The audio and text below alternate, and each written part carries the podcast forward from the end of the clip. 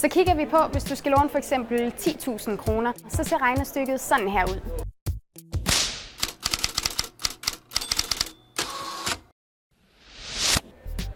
Og inden du tænker, så tag det helt roligt. Det vigtigste tal, du skal kigge på, det hedder OOP.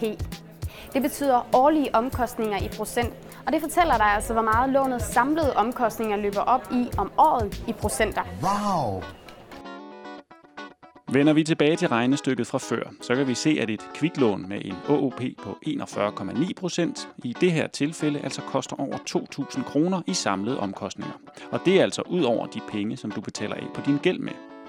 Hvorimod banklånet med en OOP på 7,2 procent til sammenligning kun koster 380 kroner i samlede omkostninger i det her tilfælde. Og SU-lånet med en OOP på 4,1 procent koster her kun 218 kroner i samlede omkostninger.